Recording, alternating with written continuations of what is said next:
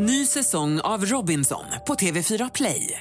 Hetta, storm, hunger. Det har hela tiden varit en kamp. Nu är det blod och tårar. Fan händer just nu. Det. är Detta är inte okej. Robinson 2024, nu fucking kör vi! Streama söndag på TV4 Play. Hej, jag heter Gry Forssell och du lyssnar inte på radiostationen Mix Megapol. I alla fall inte just nu, för du ska ju precis höra ett nytt avsnitt av Mord mot mord. Men först vill ju vi säga hej.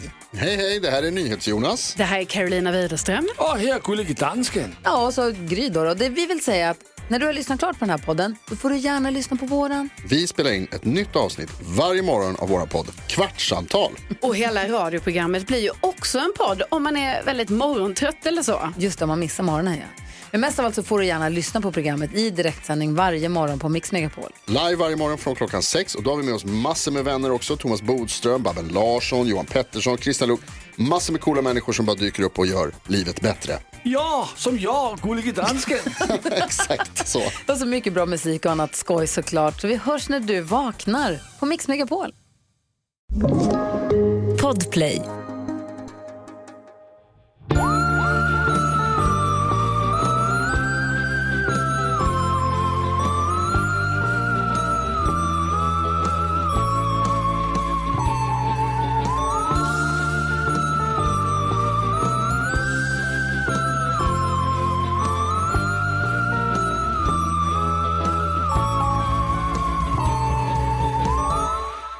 Hallå och välkomna till Mord mot mord. Mord mot mord! En, en, en, en inspelning som görs en liksom så, eh, vad är det, andra söndagen i adventsmorgon. Alltså så himla mysigt. Det känns väldigt mysigt faktiskt. Det började med när det var morgon. Nu har jag haft så mycket strul med tekniken. Nu börjar vi närma oss eftermiddagen. Jag tycker det känns helt... Eh, eh, det känns jättemysigt tycker jag att det är jul. Jag håller helt med. Det är Snart verkligen. jul. Adventstider. Advent, men adventstiderna är väl nästan, nästan de bästa tiderna. Väntans tider. Adventans tider. Ja men det är mysigt och eh, det känns som ehm, lite felaktigt så känns det väl som att eh, nu är vi snart färdiga med det här med skiten som har varit i år för det kommer ju inte tyvärr inte vara förbi. Nej jag Eh, vet, men man, jag tror att vi, men, men- vi måste tänka så. Det är väl det. Exakt, Ja. så får man börja på ny kula eh, 2021. Ny med, eh, pissig kula. Precis, men ändå en ny kula. det är härligt. Jag och Marcus var Eh. på, på, eh, på Erikshjälpen och köpte olika random tomtar igår. Ja vad mysigt. Så nu har jag bland en, har, har jag ställt upp här, vi köpte bland annat en, du vet en sån, du vet ju att vår inredningsstil är så, at grandmas place lite grann. Ja. Eh, så nu köpte vi oss och även en, alltså en sån julduk, duk, du vet en sån som bara går i mitten på bordet. En löpare. Ja, sån har vi på vårt vardagsrumsbord nu. Eh, där har vi också en sån, en liksom, tänk dig en tomte som ligger ner på sidan, vinkar lite med ett eh, värmeljus Ja, jag i sig. vet. Jag vet precis. Sån jag jag trodde jag typ hade en sån när jag var liten. Så härlig. Ställt upp den. vet vad vi hade? Vi hade en sån liggande tomte som åt havregrynsgröt och så var det ett högljus, alltså ett högt vanligt ljus bredvid. Ni är alltid lite mer classy. Jag vet inte Jo, faktiskt det om låter, det... Ja. Vet du vad, jag tycker det låter underbart. Men nu har jag i alla fall tänt mitt tomteljus här på morgonen. För Gud, vad extra mysigt. känsla. Vad härligt.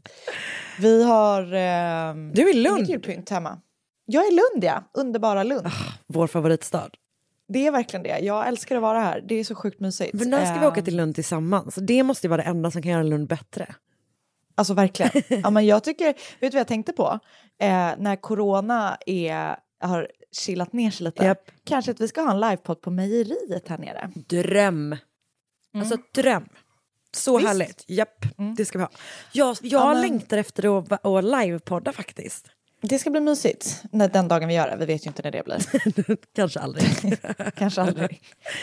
Eh, men det tänkte jag i alla fall på när jag gick runt, runt i Stadsparken Japp. häromdagen med min barnvagn. Kollade ut olika så platser som vi, här kan vi ha en utomhus livepodd. Precis. Ja, men det var mysigt att få visa Sigrid Mittlund från när jag pluggade här. Åh nej. Här har mamma kräkts. här har mamma hånglat mot en vägg. Inte med pappa. Exakt.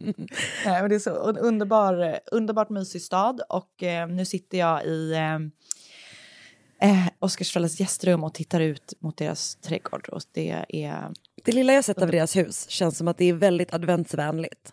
det är otroligt jul och adventsvänligt. Jag ska skicka en bild till dig här på min vy just Ja, gör det tack. Eh, så det har varit underbart mysigt att få... Jag har ju inte lämnat stan på... Vet du vad, jag känner mig så glad för din skull. Jag tror verkligen att, alltså, jag ska inte säga någonting om hur du mår, men, men det känns så, wow vad fint det ser ut. Ja, va? Men det känns verkligen som att du behövde det. Alltså, ja, men jag behövde det. det här har liksom varit, jag tänker att det här har varit ett sånt år när man haft liksom sån liten värld. Och så har det ju varit för alla. Liksom. Men jag tänker att det är lätt, när just när man är typ föräldraledig de första månaderna och typ har en, har en, en partner som du har som har typ jobbat väldigt mycket. Alltså, det är ju väldigt lätt hänt att man liksom blir lite, man känner sig Lite ensam hängig. i världen. Mm, jag har känt mig väldigt ensam. Så det var mysigt bara att få sitta i bilen med Oskar hela vägen ner. Ja. Och Sigrid då såklart. Lämna henne halvvägs på en bensinmack. Ja, nej, det är underbart. Eh, och så vi åker hem i eftermiddag då. Men för, för visst känner man också lite grann så att man behöver typ se lite folk? Så kan jag känna.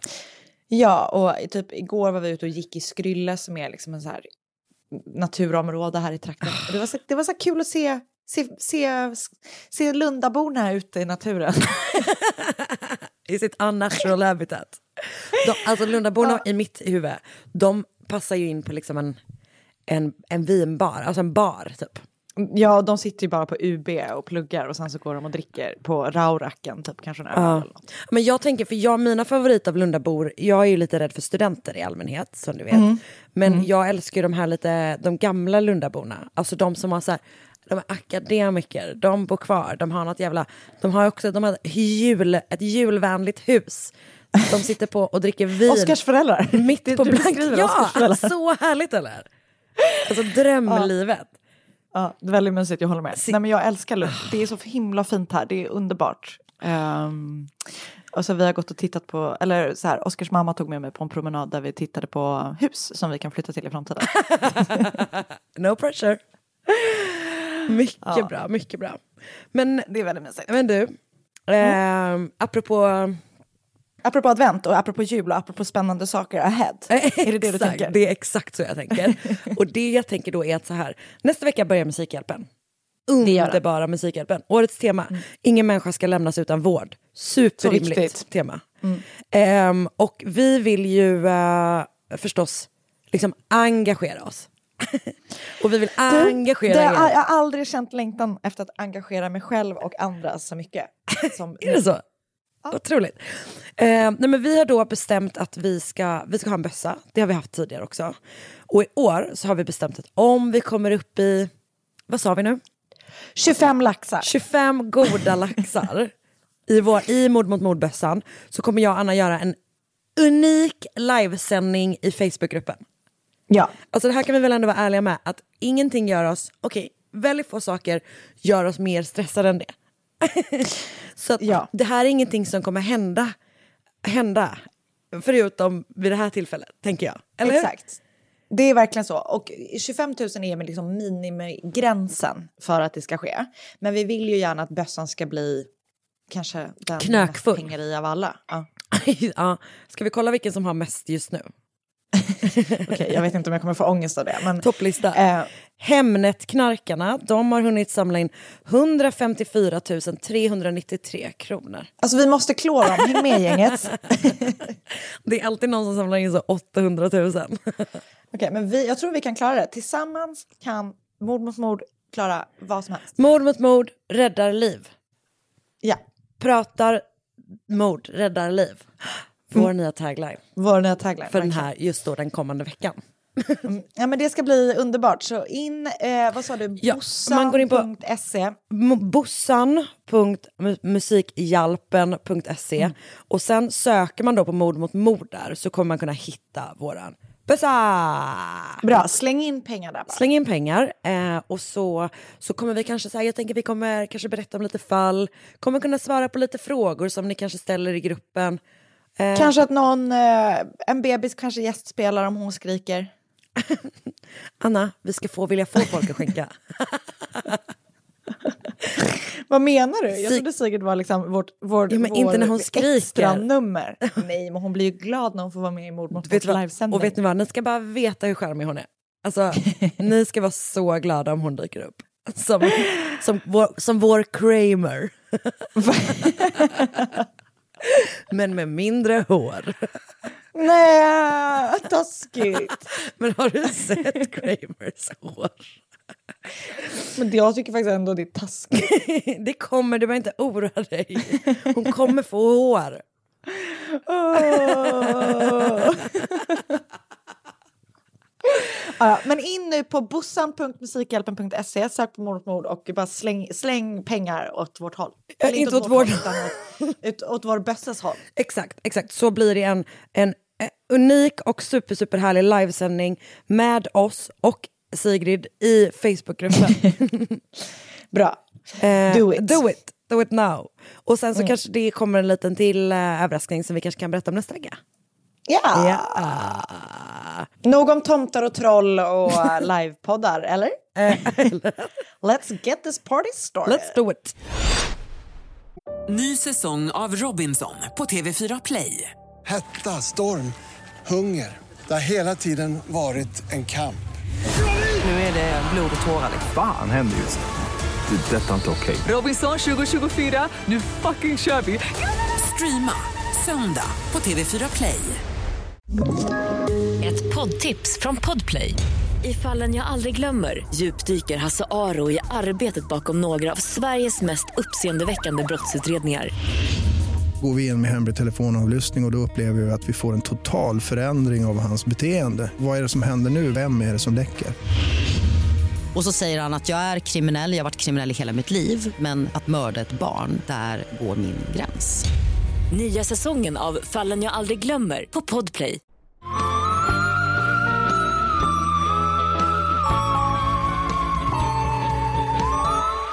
Då börjar vi. Så för dagens fall eh, beger jag mig och tar med mig dig till Indien som nyligen blivit själv- självständigt från Storbritannien. Så att året är 1952. Jag tror du menade nu. Jag bara, that's not correct. Jag, bara, jag tror att det var alltså, i mars i år. Nej, 1950 blev det självständigt från Storbritannien. Vi, året vi kommer vara i den här historien är 1952, min mammas födelseår. Um, närmare bestämt så är vi i södra Indien, i Chennai heter det idag. Under den här tiden så gick nam- eh, staden under namnet Madras. Just det. Så den 28 augusti 1952 kliver ett gäng eh, människor ombord tåget Indo-Ceylon Express som också gick under namnet Boatmail Express eh, eftersom tåget tog eh, passagerare till en båt som sen skulle ta dem sista biten över vattnet till Ceylon, alltså Sri Lanka. Idag heter, den här tåglinjen finns kvar men går idag under namnet Ramesvaram Express. Så där kliver ett gäng människor på i Madras på Egmore tågstation. Och så en bit in i resan så börjar flera passagerare klaga på att det är något som luktar riktigt illa ombord. Nej. Så de börjar gå runt i tåg, tåg på tåget och bara så här, var kommer lukten ifrån? De försöker lokalisera lukten. Och den här lilla luktjakten tar dem till en sån här, eh, typ som en eh, trunk i metall. Oh, nej, nej, nej. Som står någonstans på tåget. Och runt lådan så är det konstiga fläckar som också luktar illa. Så de är väl typ så, oh no, what is this? Um, så att man börjar höra sig för på tåget om det är någon som känns vid väskan. Och när ingen vill, eh, liksom, ingen, ingen känner sig som ägare väskan så lyfter man av den i Manamadurai, som är en stad på vägen, där den lämnas in hos polisen för att se om någon kommer vilja komma claima den därifrån. Ah. Men poliserna bestämmer sig för att de måste i alla fall kolla vad det är som ligger i väskan som stinker på det här viset. Så de får öppna väskan och får ju en chock eh, när de har öppnat den. För i väskan så ligger en manskropp som är naken, sånär som på ett par gröna strumpor. Och kroppen saknar sitt huvud. Åh oh, nej. Mm. Oh, Okej. Alltså så, så äckligt. Eh, Så det finns alltså ingenting som kan identifiera mannen, det är eftersom han inte har några tillhörigheter och eh, inget eh, huvud. Så poliserna bestämmer sig för att de måste skicka kroppen på obduktion. Så att den skickas iväg till en stad vid namn Madurai. Och där genomgår kroppen obduktion på ett sjukhus som heter Erskine. Och läkaren som utför obduktionen heter Dr. Krishnaswamy. Och han röntgar och obducerar kroppen och kommer fram till att offret är en man i 25-årsåldern. Okej. Mm. Några dagar senare så är det en polis som är ute och cyklar och när han upptäcker något som guppar i vattnet. Det är ett paket som är inslaget i en brun skjorta och han, det ligger liksom typ och slår, du vet, mot, in mot eh, havskant eller mot strandkanten typ så. Så han blir nyfiken på vad det är, så han kliver av sin cykel och går fram för att se vad det är för någonting som ligger i vattnet. Och när han öppnar paketet så får han samma sorts chock som de på tåget fått några dagar tidigare. För i paketet så ligger då ett huvud. Riktigt äckligt. Ja. Jag, vet, jag vet typ inte vad som är läskigast att hitta. En kropp utan huvud eller ett, ett huvud utan kropp? Ja. Alltså får man välja så vill man ju inte hitta något av dem. Nej, helst. Men, Men- jag tänker att det ändå är någonting, alltså att det blir något... ehm, Jag hittar hellre kroppen, jag tror, tror jag. jag. tror också det, för jag tror att det blir... eh, jag tänker att så mycket av att vara en människa är i ansiktet. Ja, exakt. Så tror jag att jag tänker. Jag, jag tror jag tänker som du. Okej, bra. Konsensus. Bra. Eh, upptäckten av huvudet hamnar så på alla löpsidor i det här området. Eh, och huvudet skickas på forensisk analys till Madras Medical College och deras forensiska avdelning. Där ska doktor Gopala Krishna undersöka huvudet. Och eftersom man då har ett huvud utan kropp och en kropp utan huvud som är hittade på två olika platser men inom ändå relativt liksom, nära varandra eh, så tänker man att kanske, kanske har kroppen som tidigare var på Erskan sjukhuset som man redan har obducerat tillhört huvudet. Ja. Så att man skickar efter kroppen till Madras Medical College där Dr. Gopala Krishna ska få undersöka den en gång till. Så samtidigt som passagerarna boardar tåget den 28 augusti 1952 anmäls en man från Chennai vid namn Alavander försvunnen. Han är vid tillfället för sitt försvinnande 40 år gammal, möjligtvis att han är 42 år gammal, lite oklart. Han är i 40-årsåldern. Eh, som Alavander är gift och har två barn. Han har tidigare varit en del av British Indian Army och när han slutade där så började han sälja olika eh, plastartiklar. Alltså, jag, jag vet inte exakt vad det var för typ av plast, men jag tänker att plast var riktigt poppis eh, på 50-talet. eh, så det var nog lite, lite allt möjligt. Allt man kunde göra i plast gjordes i plast. Jag tror det är typ därför vi har den här situationen vi har nu. Exakt. Fan, fan för den som upptäckte plast. Okej. Ehm, eller uppfann plast. Det lät som att jag trodde att plast var ett naturämne som man upptäckte. Det vill jag vara tydlig med. Det växte. Det, Växte jag. vilt. Fan den som hittade plastträdet. um, Okej, så han har då en affär, eller han, nej så här, han inhuserar sig i en affär som säljer pennor på Perry Street i Chennai. Och eh, som sagt, det verkar ha varit the shit i Indien. Så det verkar som att det typ går, eller i hela världen, det verkar gå, gå bra för honom och hans plastbusiness. Utöver plasten så arbetar han också med att sälja saris. Och det som var speciellt med den liksom, delen av hans business var att han Var att de erbjöd... också var i plast. Jättebekvämt. Praktiskt, man bara torkar av dem. Som en vaxduk. Ja, gud vad hemskt. Andas jättedåligt. Eh, nej, han erbjöd sina kunder att handla sarisarna på avbetalning. Ah, okay. mm. Och det var eh, liksom väldigt ovanligt den typen av affär överlag, att liksom handla saker på avbetalning. Och Alavander var en av de absolut första i området som gjorde det på det här sättet. Liksom. Just det. Och fast att han var gift så hade han, som många andra, ett wandering eye. Och enligt utsaga så tyckte han själv att han var en riktig snygging. Ehm, så att han liksom var en self-proclaimed ladies man. Han var också ett stort fan av opium och ehm, enligt vissa källor var det på grund av ryktet om att opium är ett afrodisiak. Ehm, och enligt andra källor handlade opiumanvändandet eller missbruket, jag vet inte exakt hur mycket han eh, brukade opium, var på grund av att han led av allvarlig astma och det skulle då eh, liksom, lätta hans astma på något vänster. Kan ju ha varit att han tyckte det var gött. Kan verkligen ha varit det. Ehm, men så den 28 augusti 1952 kommer han alltså inte hem. Och hans fru blir då orolig när arbetsdagen och typ lite till har passerat. Eh, så hon går ner till affären där han säljer sin plast.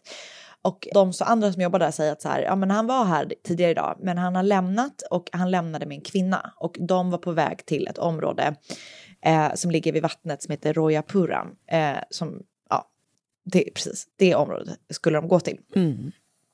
Och efter det har de inte sett till honom.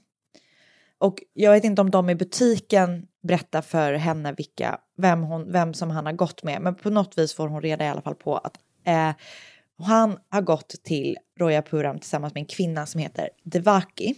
Eh, och hon har tidigare handlat sari hos honom. Okej. Mm. Så fru Alavander lyckas på något vis ta reda på var Devaki bor. Så hon går, red, eh, går dit och knackar på för att höra om hon kanske har någon aning om var hennes man befinner sig. Så när de kommer till Devakis hus så öppnar hennes man Prabhakara dörren. Och fru Alavander framför sitt ärende och han säger då att han, han har inte sett Alavander och typ så här, nej, han, har aldrig varit här, jag har aldrig sett honom, jag vet typ inte vad du pratar om. Så.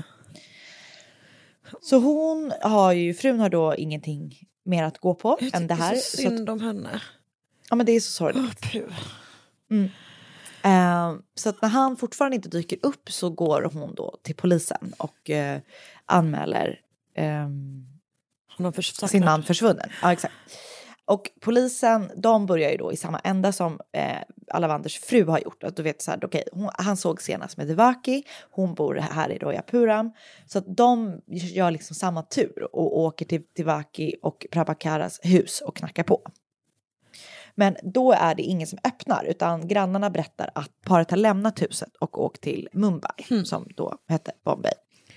Just det. Polisen som har varit och knackat på hos Devaki ska enligt vissa källor vara den samma polis som senare hittar Alavanders huvud. Vilket jag tycker verkar lite otroligt. Men det kanske fanns typ tre poliser i Madras vid det här tillfället. What do I know? um, meanwhile som det här händer så jobbar Dr. Gopala Krishna med på med undersökningen av kroppen och huvudet. Och som du säkert har gissat så tillhör huvudet den saknade Alavander. Jag har faktiskt gissat det. Mm. For the record. Han, hans fru, du som ändå hatar att gissa, har gissat på eget bevåg. Ja, i mitt huvud. Vågar inte säga det utåt. Eh, hans fru får då komma och identifiera sin man, vilket känns sjukt obehagligt. Och kroppen då, som ursprungligen troddes tillhöra en 25-årig man, tillhör ju då också såklart Alavander. Och det var bara ett misstag som den första Eh, läkaren hade gjort när han eh, obducerade kroppen. Så nu vet då polisen att Alavanders kropp som de har hittat, att det är han och att han då uppenbart har blivit mördad. Den sista personen som har setts med Alavander i livet är då Devaki som han försöker eh, göra ett nytt försök att hitta henne. De är ju då fortfarande inte hemma men de börjar liksom höra sig för med grannarna och så här har ni sett den här mannen här i trakten liksom. Mm. Och då berättar grannarna att de ofta har sett Alavander hemma hos Devaki och Prabhakara. Och att de mycket riktigt har sett honom där dagen han försvann. De hade sett honom komma och knacka på på eftermiddagen men sen har de aldrig sett honom lämna huset igen. Om Alavander har varit hemma hos Devaki och Prabhakara flera gånger så måste det ju betyda att de känner varandra på något vis. Så man börjar gräva lite i deras relation. Och som jag berättade så sålde ju Alavander en sa- sari, till, eller sari eller saris till Devaki och hon har då handlat på avbetalning hos honom. Just det. Och det som verkar då, eller det som kommer fram då med hans, av, alltså med hans, ehm, hans sätt att betala sarisarna med den här avbetalningen är att den är, när han, han har då låtit kvinnor, eller jag vet inte om jag ska säga låtit kvinnor, när kvinnorna inte haft råd att betala för sina saris så har han sagt att de kan få betala Nej. honom genom att eh, ha sex med honom. och Devaki är då en av de här kvinnorna som antagligen har fallit offer för det. Eh, så enligt vissa källor så, så säger, säger att de har haft liksom en kärleksrelation innan han, hon valde att gifta sig med Prabhakara och att, eh, att han då typ, du vet, fortsatte att följa efter henne fast hon hade gift sig och sådär. Men jag tror, eller min tolkning av det jag har läst och hört är att han typ har eh, alltså våldtagit henne och utnyttjat henne för att hon typ inte haft råd att betala bara. Det verk, jag, jag, jag tolkar det inte som att det är en kärleksrelation. Nej. För han verkar ha gjort så med andra kvinnor då. Att han, ja. Så polisen börjar då anta att de förstår vad som har hänt. För eh, Devaki och Prabhakara har ju enligt eh, utsagor då flytt till Mumbai. Så polisen i Madras kontaktar sina kollegor där och framför sitt ärende. De är på väg och de behöver deras hjälp att lokalisera paret. För man måste förstå, man måste hitta dem. Liksom. De, är, de är misstänkta. Yep. Så tillsammans så lyckas poliserna hitta släktingar till de här Devaki och Prabhakara och de lyckas ta in båda till förhör. Och när de grips så har Prabhakara en penna som visar sig tillhöra Alavander eh, på sig och han har rakat av sig sin mustasch.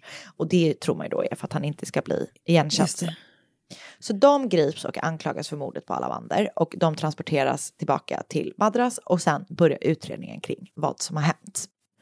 Och polisen är, de vill verkligen bevisa att de här två är skyldiga. Så de liksom jobbar på hårt. De går noggrant igenom parets hem och där hittar de bland annat ett blodigt handavtryck i huset som senare ska visa sig till, tillhöra Prabhakara. Och de hittar också ett annat blodspår, men eftersom de inte hade några blodprov från Alavander och jag vet DNA fanns ju typ inte på 50-talet och du vet så här, så man, man kan inte bevisa att blodspåren är Alavanders. Förlåt, DNA-teknik. Ja, ja, nej precis, DNA fanns ju. Precis, tack för att du förtydligade det. Vet du vad, jag vill bara inte att någon ska komma och hålla på och checka sig. Nej, det var, det var, det var bra tänkt. Det var väldigt bra tänkt. Just det, ja, Eh, jag fattar. Mm. Så att troligtvis så är de skyldiga. Liksom. Ja.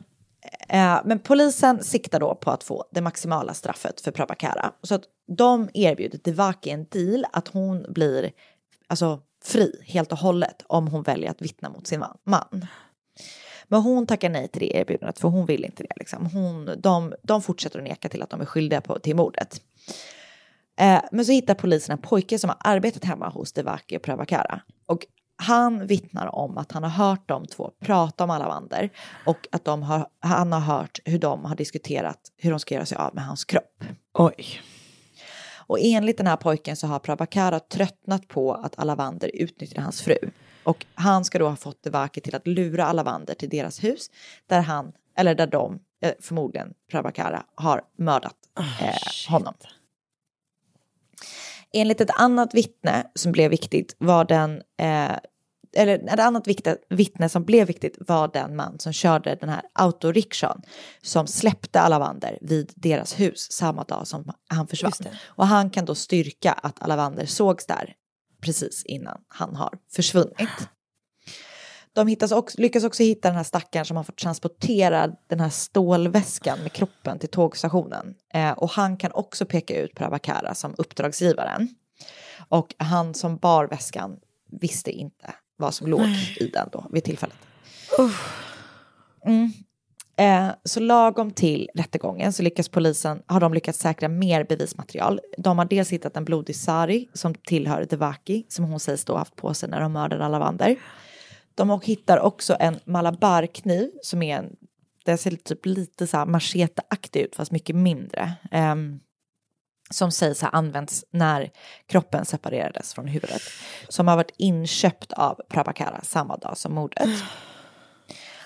Så åklagarna använder de här bevismaterialen tillsammans med vittnesmålen och målar upp ett motiv om att den äkta mannen som mördade eh, sin frus älskare. Eh, Men så de använder älskare och inte typ så här att han utnyttjar henne utan de går på liksom spåret de hade typ en relation. Ja, Ja, det gör de. Och liksom, eh, precis, det var någon artikel jag läste som var så här. The husband uh, had enough of the snake who entered his Eden and decided, vet, något så här. Så de, sig. ja, det verkligen. Eh, medan försvaret då hävdar att Alavander har kommit hem till parets hus, börjat förgripa sig på Devaki som han har gjort då upprepade gånger tidigare och då har Prabhakara liksom fått nog. Ah. Han har då stått och skurit grönsaker med den här kniven och helt enkelt bara tappat det och gett sig på honom och i ett bråk råkat sticka honom med kniven. Och sen, alltså det finns liksom inget uppsåt. Då, han- ja, han har mördat honom men det finns inget uppsåt Nej. till mord, är då försvarets eh, eh, story. Mm. Ett vittne då som kallas rättegången är den man som utförde den sista obduktionen av kroppen, den här doktor Gopala Krishna. Han säger att dödsorsaken är stickhål i hjärta och lunga och att skadorna som kroppen har vittnar om att det är en våldsam och avsiktlig attack. Så det är lite fram och tillbaka där. Däremot så verkar det som att domaren tycker att försvaret eh, har rätt. Han verkar tycka att Alavander är en vidrig person. Ja. Så han, du vet, när han sammanfattar eh, hela fallet så eh, lägger han mycket vikt på att Alavander lite had it coming. Oj, grovt. Mm. Men det är ändå en jury som bestäms hur, eh, hur, vilken dom de kommer få. Mm. Så att han försöker väl typ, liksom, do, domaren vägleder väl lite så, vad, hur han tycker att juryn ska, vad juryn ska fatta beslut. Eh, men eh, juryn bestämmer sig för att båda två är skyldiga till mordet på Alavander. Men det är domaren som sätter eh, strafflängden. Så Prabhakara döms till sju år i fängelse och Devaki till tre. Och de två avråds från sina advokater att överklaga domen eftersom de fick så pass milda straff, eller vad man ska säga. Japp. För polisen och åklagarna, de hade ju liksom yrkat på dödsstraff. Ah. Så de får eh, sju respektive tre år i fängelse. Sjukt och liten två, då. Väldigt liten Ja. måste man säga. Och, de båda, och det är väl för att domaren då tycker typ att det är någon slags försvarshandling Japp. som de har gjort. Ehm, och så båda två släpps någon gång i mitten på 50-talet och då, de är fortfarande tillsammans när de kommer ut och flyttar till Kerala i södra Indien. Eh, där de så småningom gifter sig och bygger ett hotell och sen så verkar det som att de liksom lived happily ever after. Wow. Ja, så det var the Alavander murder case. Jävlar. Mm. Och jag under hela tiden som jag har läst och, äh, om det här så har jag tänkt på eh, Ollivander i Harry Potter som eh, säljer eh, eh, heter det. Så att jag hamnade på, eh, du vet, som wiki fandom eh, eh, så jag liksom hamnade lite snett när jag läste på. Här. Så jag läste på jättemycket om Harry Potter-figurer istället. Mysigt ju. Väldigt mysigt. Det låter som en, Eh, en, liksom en, på vissa sätt en trevligare läsning. Alltså väldigt. Jag. Och jag är ju inne i uh, Harry Potter-svängen igen. För jag lyssnar på alla, jag håller på att lyssna igenom alla böcker på engelska som Stephen Fry har läst in. och det är som att fan vad mysigt. Pjäs. Ja, de finns på Bookbeat. Jätte, jättemysigt. Nice. Eh, men kopplat till det här fallet då, Ja. så har jag läst eh, The Alavander Murder Case på Crime Magazine. En artikel, väldigt lång artikel, utförlig artikel skriven av Randor Guy. Eh, Wikipedia-inlägg såklart. Ett inlägg på Historic Alley skriven av en tjej som heter Maddie. Och ehm, som heter Ceylon Boatmail. En artikel på The Hindu skriven av R. Eh, Sivaraman som heter The Gruesome Murders That Shook Tamil Nadu. Och sen så har jag lyssnat på en podd som heter Cooneycast. Eh, Var det den du sa var du och jag fast i Indien? ja, ja, det är två, två kvinnor som eh, pratar mord, alltså precis som vi. Gud vad Eh, härligt. mm. Låter som ett Eh. underbart koncept. Det var det. Ehm, så det är väl eh, mina topp, eh, toppkällor. Yes. Du, tack snälla. Tack själv. Ny säsong av Robinson på TV4 Play. Hetta, storm, hunger. Det har hela tiden varit en kamp. Nu är det blod och tårar. Fan händer just nu. Det. är Detta är inte okej. Robinson 2024, nu fucking kör vi!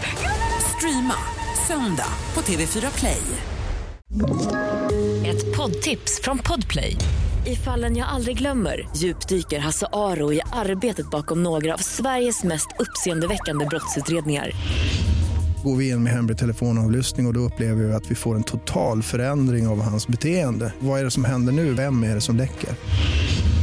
Och så säger han att jag är kriminell, jag har varit kriminell i hela mitt liv men att mörda ett barn, där går min gräns. Nya säsongen av Fallen jag aldrig glömmer på Podplay.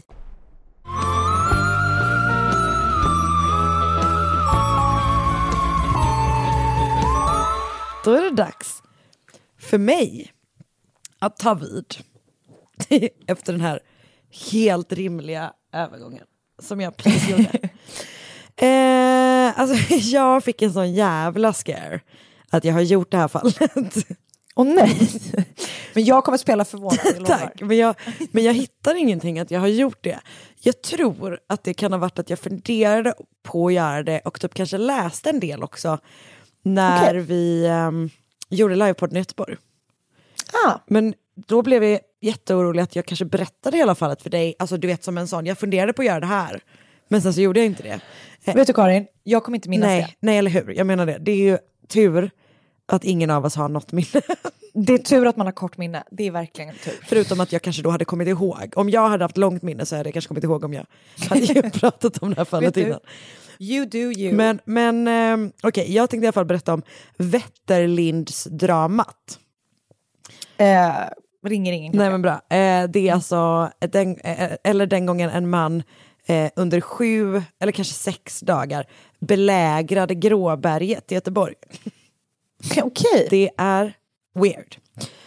Eh, Spännande. Okej, eh, Carl Johan Wetterlind, vår huvudperson, föds den 1 juni 1838 i världens bästa stad, Göteborg. Okej. Eh, vi går ut starkt. han är då son till en tulltjänsteman och eh, efter att han har gått ur skolan så börjar han jobba som skrivare, står det på vissa ställen. Det verkar vara typ bokhållare. Okej. Han är väldigt intresserad eh, av jakt och han är också liksom väldigt bra på det. Så det håller han på med under sin, under sin ungdom väldigt mycket. Liksom.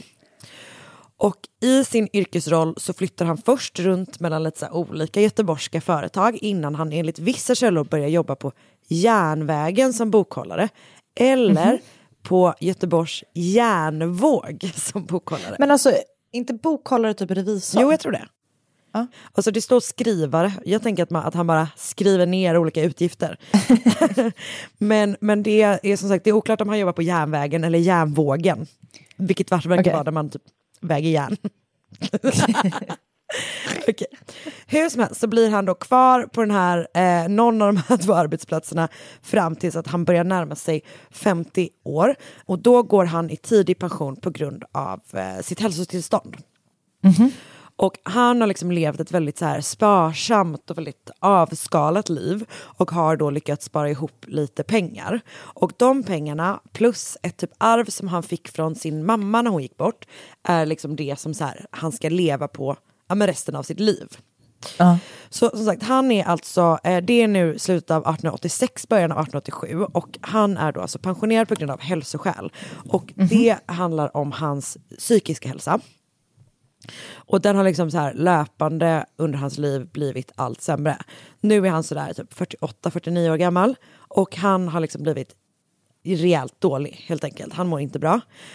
Och du vet liksom blir så känd på Gråberget i Majorna där han bor som en, liksom, en märklig figur. Eh, du vet sådär som folk är liksom kan vara liksom eh, rädda för en märklig figur som kanske typ Ja. inte psykiskt mår så bra i sitt område. Han verkar Ja. vara lite en, så, en liten sån person. Det står också på flera ställen att kvinnor i området ofta trakasserade honom. Jag vet inte vad det innebär. Vad hemskt. Men, men, men det, det står så i alla fall. Nej, men han är då eh, liksom paranoid och lider väl av något slags nästan så psykotiskt tillstånd. Där han liksom är övertygad om att, han, ja, men att folk är ute efter honom. Han är bland annat säker på att hans pappa har sålt honom till hans hyresvärd. Han hyr då in sig i ett litet vindsrum i ett, eh, i ett hus, så här, men typ, kanske typ trevåningshus på en gata som heter Gråbergsgatan då, men som heter Kabelgatan för de Majorna eh, förkännare som finns där ute eh, idag. Och han tror då att hyresvärden sagt, han tror att hans pappa har sålt honom till den här hyresvärden. Han tror också att hyresvärden förgiftar, det ingår tydligen mat i hans hyra. Okej. Specifikt soppa. Gud vad, vilken bra deal. Ja, förutom att det var soppa då, vilket Inte du inte mig, hade varit inte velat vara med på. Han är liksom övertygad om att hyresvärden förgiftar den här soppan. Okej. Så han mår jättedåligt. Liksom. Och i februari 1887 så har hans tillstånd blivit liksom, eh, riktigt illa, helt enkelt. Han har då börjat barrikadera sig i sitt lilla vindsrum. Och vägrar liksom komma ut för att han är så, ja, men så rädd för liksom, omvärlden och tror Mm. att alla är Gud, ute efter sorgligt. Ja, jag vet, det är verkligen jätte, jättesorgligt. Så att hyresvärden tar då den 14 februari 1887 kontakt med myndigheterna för att han liksom vägrar lämna rummet. Och man beskriver det som att han, man är liksom rädd att någonting, men att typ att det ska ske en olycka av något slag. Och han har liksom så byggt in sig själv då i det här vindsrummet med typ gamla bjälkar, du vet så här, lite olika typ presenningar eller något åt det hållet. Och du vet liksom bråte typ.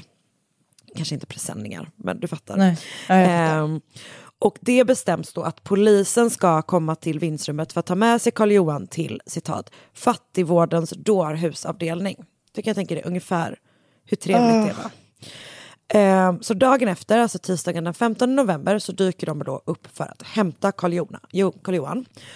Johan. Och det är då två polismän, eh, en polisman eh, som heter Holm och en som heter Nordblom, som får uppdraget. Så de börjar liksom så här, de bara, japp okej, men nu ska vi åka och hämta den här personen som är psykiskt sjuk. Liksom. Och eh, de liksom tar, så här, går upp för trappan och möter då så här, hans barrikad. Och då hör de hur han eh, ropar så här, inifrån vindsrummet, kommer ni upp för trappan så skjuter jag. Men eh, de går liksom eh, ja, men vidare upp och plötsligt då så går det av skott från delvis en hagelbössa och delvis en revolver. I liksom, trapphuset. Och polisen liksom börjar här dra sig tillbaka men, men de hinner liksom inte göra det innan då den här Holm träffas av hagelsplitter i ansiktet och en kula från revolvern går liksom genom hans öra och fastnar i hans nacke. Ah. Läskigt. Och Nordblom, den här andra polisen då, han, eh, så, men så han får liksom, de typ drar ut den här Holm, liksom. han är jätte, jätteskadad. Och, eh, och tas liksom med, med häst och vagn till ett sjukhus och kommer överleva. Men, men den här Nordblom, han, han klarar sig liksom. Eller ja, han får ett kulhål i sin rock tydligen. Men han bestämmer sig då för att göra ett nytt försök den här liksom, dagen. Eh, han är inkallad på sin lediga dag så han har inte på sig polis, eh, alltså uniform. Utan han har, är civilklädd. Så han går tillbaka och låtsas då vara läkare. Du vet, som ju ofta är civilklädda. Men så han, går och liksom, han försöker liksom lura då Karl Johan lite grann. Men det funkar inte utan han blir beskjuten igen. Okej. Det man inte vet vid det här laget, men som då kommer bli tydligt senare, är att eh, Karl Johan har rätt mycket vapen i det här lilla vindsrummet. Han har då, alltså på grund av att han har varit jägare typ. Just det. Eh, eller åtminstone så har han flera olika gevär på grund av att han har varit jägare. Eh, och väldigt mycket ammunition. Men han har då också typ en pistol, vilket jag inte vet hur vanligt det är Nej. för jakt. Men det har han i alla fall. Nej, det känns inte som... Eh... Eller hur? Men, men typ, han har många så hagelbrakare. Klassisk brakare. Mm. Okej. Nej. Okej, så konstapel Holm han skickas till sjukhus med häst och vagn. Eh, Nordblom får kalla in förstärkning. Polisen, så det kommer liksom fler poliser dit. Eh, man bestämmer också att man ska ta dit brandkåren för att man tänker att de kanske kan hjälpa till. Så de hämtas också dit. Och man bestämmer sig då för att man ska använda liksom en brandslang för att få Karl Johan att eh, lämna sin fästning. Okej. Så han ska helt enkelt skjutas på med vatten antar jag. helt enkelt. Det är bara det att det är inga brandmän som vågar liksom närma sig huset. Nej. Så istället så blir det, eh, faller den uppgiften på en polisöverkonstapel som heter Larsson och en person som verkar vara helt civil. Hej, du, du som går förbi här. Kan du du, har du lust att bära den här slangen lite? Bara håll här, håll här. Håll här. Verkligen. Ja, vi, ska, vi ska fram dit. Ja, exakt. Han är klampare i hans yrkesroll. Va? Och det verkar vara en titel som man har om man typ jobbar på ett sågverk.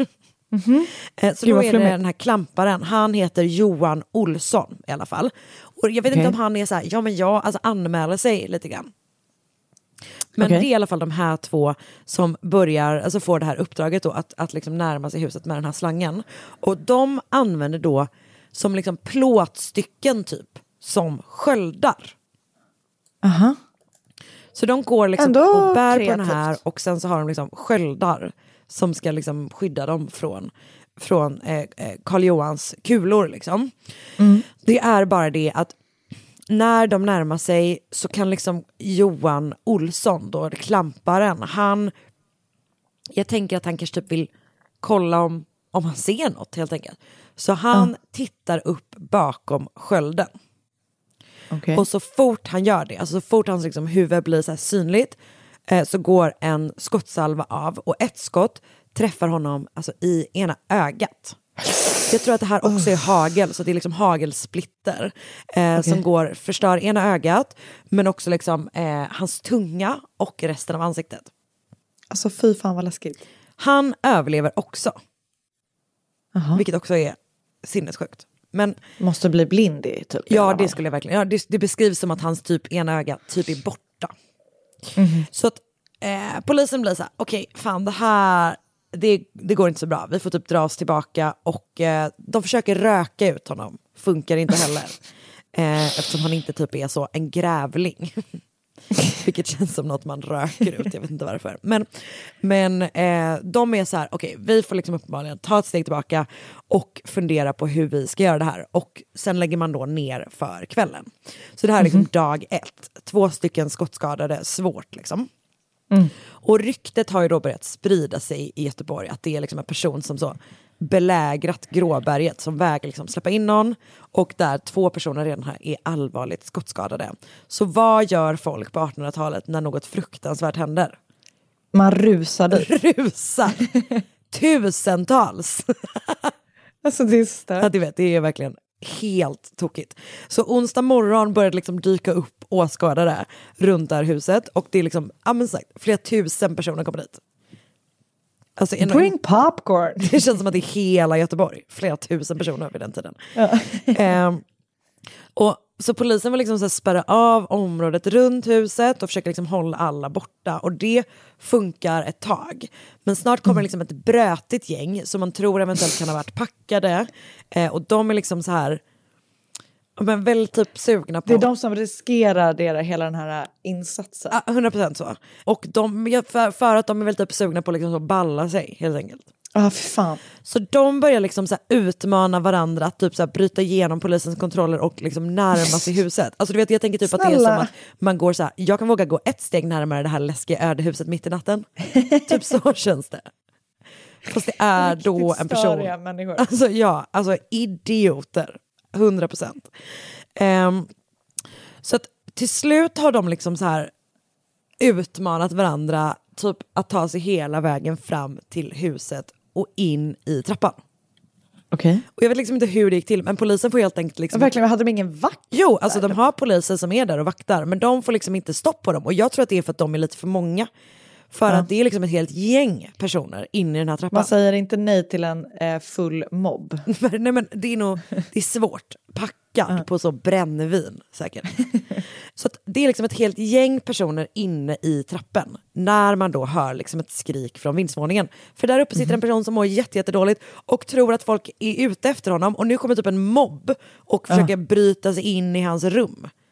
Väldigt, väldigt. Det hade vem som helst tyckt varit läskigt. Ja, Även om man inte trodde att alla var ute efter. Alltså verkligen, verkligen, verkligen så. Så man hör det här skriket och sen börjar då skotten komma. Så Karl Johan avfyrar först fyra skott och det ena tar i muraren Lindbergs höft och han träffas av en revolverkula. Och sen är arbetskaren Lindberg, nej nu har jag skrivit samma namn två gånger, perfekt. De kanske hette det. Nej, de gjorde tyvärr inte det. Nej, arbetskaren Strömberg hette han. Han träffas av, eh, eh, av eh, alltså hagelsplitter i ansiktet. Båda Ah. två liksom bärs ut då, men några är kvar i trappen. Perfekt. Okej. En av dem är Frans Albert Jakobsson som är 20 år gammal och plåtslagare. Och det beskrivs nästan, nästan som att han får någon typ snedkoppling i huvudet, att det liksom blir fel. Så att när de här skotten går av och typ träffar de här andra personerna så springer han liksom åt motsatt håll, alltså typ som upp mot, alltså mot trappan istället. Just det. Och han träffas då av ett revolverskott som går rakt i bröstet på honom. Nej. Och Frans Albert Jakobsson är liksom svårt, svårt skadad och blöder ordentligt. Han lyckas liksom släpa sig ut från trapphuset, ut på gatan och där liksom signar han ner framför de här tusentals åskådarna liksom. Och ett vittne beskriver det som att blodet citat stod som en fontän. Nej. En droska kommer dit och liksom tar honom till sjukhuset, men det är då för sent. Carl Johan Wetterlind har dödat sitt första offer. Och efter det här så bestämmer sig polisen för att liksom ta det lite lugnt en stund. Fundera lite Ja. på hur man egentligen ska få ut Carl Johan. Man har en idé om en lång pinne som man sätter el i. Sluta. Det- Vilket får mig så mycket att tänka på vänner. Du vet när de ska... Verkligen, de ska poka på the naked guy. Ja, exakt så. Fast då med el. Fan. det, verkar inte, det, det verkar som att det inte blir någonting med det. Sen har de en idé om att man kanske kunde skicka in en svärm med bin. Sen kommer de på att det är Göteborg i februari. Det liksom... Alltså, jag, du vill ju ändå vara med på den spånstunden som de verkar ha haft där. Alltså verkligen så. Okej, så nu går torsdag, fredag, lördag, söndag och måndag. Det Jäklar. är så lång tid. Och allmänheten blir liksom allt mer upprörd över att polisen inte lyckas liksom få stopp på den här situationen. Eh, de fortsätter också då samlas runt det här huset varje dag och skriker så. Skjut honom, bränn ner hela huset. Och man skickar liksom olika brev till polischefen och kommer med förslag varav ett är att man ska spränga hela huset. Alla Ja. har liksom bra idéer helt enkelt. Men det blir inget sånt inskickat förslag som får slut på det som då kommer att kallas Wetterlindsdramat utan det blir ett gott samtal i kombination med ett nikotinberoende. Aha. För vid femtiden på tisdagen, alltså den 20 februari, så det är alltså sex dagar eh, efter att, eller sju dagar efter att man, man ringde, ringde polisen för att, för att, eh, för att komma och hämta Karl-Johan. Liksom. Eh, Så bestämmer sig då poliskonstapel Lindros för att försöka se vad Karl-Johan har för sig. Okej. Han tar också en lång pinne. Men det är lugnt. Han går in i liksom rummet och typ så petar lite i barrikaden typ. Och Carl Johan Okej. ropar direkt så här bara, vad, vad vill du? Eh, typ, det, jag vill bara vara ensam i mitt rum typ, ska det vara så mycket begärt liksom? Och så Nej. säger han så här, kommer ni närmare så försvarar jag mig. Men Okej. Lindros liksom så fortsätter prata med honom. Och eh, han frågar om så här, ska du inte komma ner typ? Det måste, det måste vara väldigt tråkigt och kallt och, och, och där uppe. Och du måste vara liksom törstig och hungrig. Du har varit där inne så länge nu typ. Och, eh, Ja, precis, har han någon mat? Alltså han har nog lite mat, men det är liksom så här, han har, han har väl inte typ vatten och så. Nej. Så till slut så får han då tillåtelse att liksom så lämna över ett glas vatten. Okej. Eh, just det, en sak jag glömde säga. Man har alltså eh, evakuerat alla andra i huset, rimligt nog. Ja, jo. Eh, så först får han lämna över eh, liksom ett eh, glas vatten, får tillåtelse till det. Och sen så får han också tillåtelse att typ tända en tändsticka för att kunna se något när de typ pratar med varandra. Eh, och han typ är så, han bara, kan inte jag få sätta mig här uppe vid bar- barrikaden typ? Det är, det är ju trevligare att sitta ner och prata. Alltså han verkar verkligen, du vet, Han, är, vara han, lugnande. han vet hur man ska göra. Ja, exakt. Ehm, och sen får han tillåtelse att typ tända ett ljus och han får ett stearinljus i en eh, flaska av Karl Johan och Karl Johan typ ber om ursäkt för att han inte har någon ljusstake. Nej. Men varje gång han liksom lämnat över någonting så drar sig Karl Johan liksom bak, så här, han, liksom in bakom skorstenen typ. Och typ, för han, där skyddar han sig liksom. Eh, men sen kommer Lindros på, han får en idé. Han frågar Karl Johan om han inte vill ha en snus. Okej, smart. För det visar sig... Vem vill inte ha det? Nej men exakt, alltså, jag tänker ändå att det var en ganska safe bet att Ja. en, liksom, en man i den här åldern vid den här tiden ändå gärna tog sig en snus. En, en god prilla. Jajamän. Ehm, så att det visar sig då att Karl Johan har haft slut på snus i flera dagar och liksom vankat av han och funderat på hur han ska få tag på mer. Helt enkelt. Eh, så det har liksom varit jättetufft och nu så är då Lindros där med sin underbara dosa. och Karl Johan liksom, eh, han har då fått tända det här ljuset så nu liksom sträcker han ut eh, den här dosan och han ser då när Karl Johan kommer fram bakom skorstenen att han är obeväpnad. Så när Karl Johan sträcker ut sin hand för att ta en snus så tar liksom Lindros tag i armen. Drar Jävlar, fram vilken honom. luring. Japp, brottar ner honom och sätter handfängsel på honom. Okej. Och det blir liksom hur man får slut på det här dramat. Okej. Eh, som alltså, Bra jobbat. Ja, men också typ, jag blir glad på något sätt att det liksom är det som funkar. Att man bara, jag pratar med den här personen som mår asdåligt. Typ. Prata med honom som en person så kanske det ändå Ja. kommer gå lite, lite bättre. Prata med en person tills man lurar dem hugger in dem. ja, men ibland måste man luras lite också. Ehm, nej, men och nu är det ju då alltså, nu ska vi se, tre personer, fyra personer är allvarligt skadade efter Mm. den här veckan. Och en person, Frans Albert Jakobsson, eh, har då dött. Liksom. Mm. Efter att man har gripit Karl Johan så genomför man då en rättsmedicinsk undersökning och kommer fram till att han liksom inte varit vid sina sinnesfulla bruk under den här veckan. Nej. Och därför placeras han på Kristinehamns hospital där han blir kvar tills han dör den 14 juli 1910, vilket alltså är 23 år efter Åh, händelsen på. Blåberget. Så han sitter ju där super, super länge liksom. Ja. Och det var historien om Vettlinsdramat. Gud vad spännande. Ah, Jag har inte hört talas om det. Nej, inte jag heller. Och det är, varje gång jag- läser om sådana här saker så tänker jag på hur mycket sådana här historier det måste finnas från runt om i Sverige. Och eh, det får man gärna tipsa mig om för att jag är ändå förtjust i den här typen av märkliga, märkliga händelser. Eh, jag har då läst sidan majorna.nus, artikeln om Vätterlindsdramat. Den är skriven av Johan Lundin. Och eh, sen har jag läst på sidan runeberg.se. Det är ett projekt där man arbetar för att skapa elektroniska utgåvor av klassisk nordisk litteratur. Och där har jag läst den första delen av boken Det gamla Göteborg. Lokalhistoriska Aha. skildringar, person, personalia och kulturdrag och den, alltså då den eh, texten som, ehm, som handlar om, om, eh, om det här dramat. Och den boken är skriven av en man med det underbara namnet Karl Rudolf Ason Fredberg. och, Så starkt. Verkligen. Och sen har jag läst en GP-artikel av Ulla Sandström som handlar om Jan Hansén som gör sådana historiska vandringar i bland annat Majorna. Och den har rubriken Majorna på 1800-talet, mord, bordeller och blodbad. Shit, Och så Wikipedia. starkt. Underbart. Det var det! Det var det. Det var det. Det var ännu en vecka passerat. Oh, gud. Tiden, tiden springer ifrån mig känns det som. Jag vet, men tiden, det lackar åtminstone mot jul. Det gör det. Och eh, tack för den här veckan. Alla kastar sig in nu och eh, lägger pengar i vår bössa för ett eh, gott ändamål. Eh, ni går med i vår Facebookgrupp för där kommer ni sen när vi har sparat ihop de här 800 000 i bössan få se världens bästa livesändning. Oj, press. Press på det. uh, mus- Bossan.musikhjälpan.se Hjälpen.se. Eh, önska fall, bra fall på eh, Instagram, Bra. DM. Japp. Eh, att Karin Londre, att Sanna, an, in, Anna, nej, vad heter Sandel det? Anna. Tack. Ehm, Det var ja, det. Det var det. Yes. Hej då, vi hörs nästa vecka. Hej då! Ny säsong av Robinson på TV4 Play. Hetta, storm, hunger. Det har hela tiden varit en kamp.